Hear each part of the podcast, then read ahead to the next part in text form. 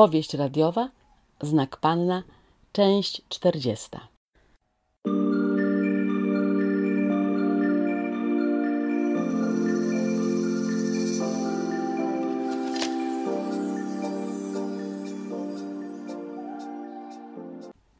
Brigitte w tym czasie knuła swój kolejny plan. Nie mogła znieść, że grono pedagogiczne nie stanęło za nią. Włożyła tyle trudu w snucie intrygi, a tu, a tu nic. Wiernie stały przy niej tylko trzy dziewczynki. Zależało jej na pozyskaniu Marty, bo wiedziała, że jakkolwiek nie lgnie do ludzi i nie przyjaźni się z nikim jakoś szczególnie, to jednak ma poważanie w gronie. Właśnie za to, że nie daje się wciągać w intrygi. Czary z lawendą nie pomogły. Zastraszanie Marty też nie. Brigitte zastanawiała się, jaką drogę wybrać.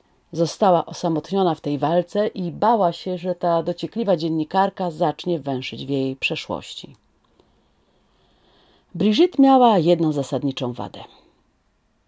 Miała parcie na władzę.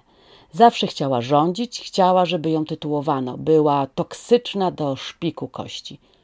Niestety miała też świadomość swoich ograniczeń. Studia skończyła w zasadzie tylko dlatego, jakby tu powiedzieć delikatnie, bo wdała się w relacje, które nie mogły przysporzyć jej promotorowi, uznanemu autorytetowi nauki, splendoru. Miał swój wiek, był wdowcem, ale też był próżny do granic możliwości. I co tu dużo mówić, płeć piękna ciągle nie była mu obca mimo wieku. A Brigitte? Brigitte wówczas jak na trzydziestolatkę nie była w ciemię bita. Szybko połapała się, że wystarczy kilka miłych słówek, troska i romans był gotowy. Dzieliła ich co prawda różnica ponad 40 lat, ale Brigitte to nie przeszkadzało. Skończyło się na tym, że spisała pracę doktorantki pana profesora. Co prawda miała ją tylko przeczytać, zainspirować się nią, ale tak jakoś wyszło, że przepisała.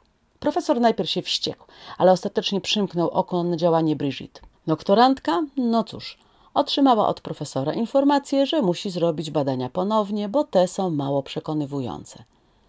Brigitte zaś tydzień po obronie wysłała do profesora łzawy liścik, jak to gorące uczucie do niego odbiera jej zmysły i że musi wycofać się z tego związku, bo ta miłość nie ma przyszłości. Nie chce mu łamać kariery, bo ona jest taka beznadziejna przy nim, nic nie znaczy, a on musi mieć partnerkę godną jego autorytetu.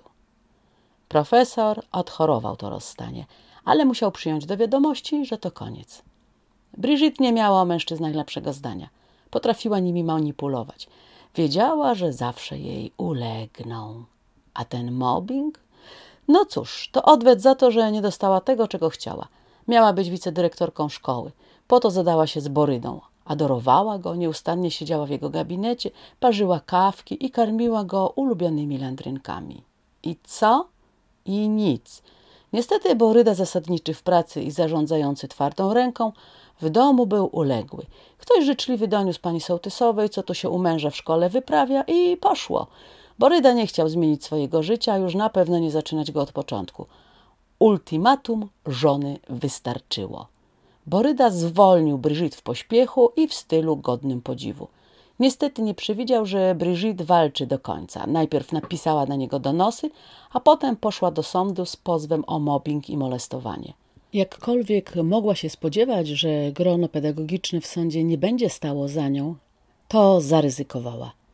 Kochała ryzyko, bo tylko ono dawało jej szansę na bycie kimś. A więc teraz zaryzykuje z Martą. Była na to gotowa.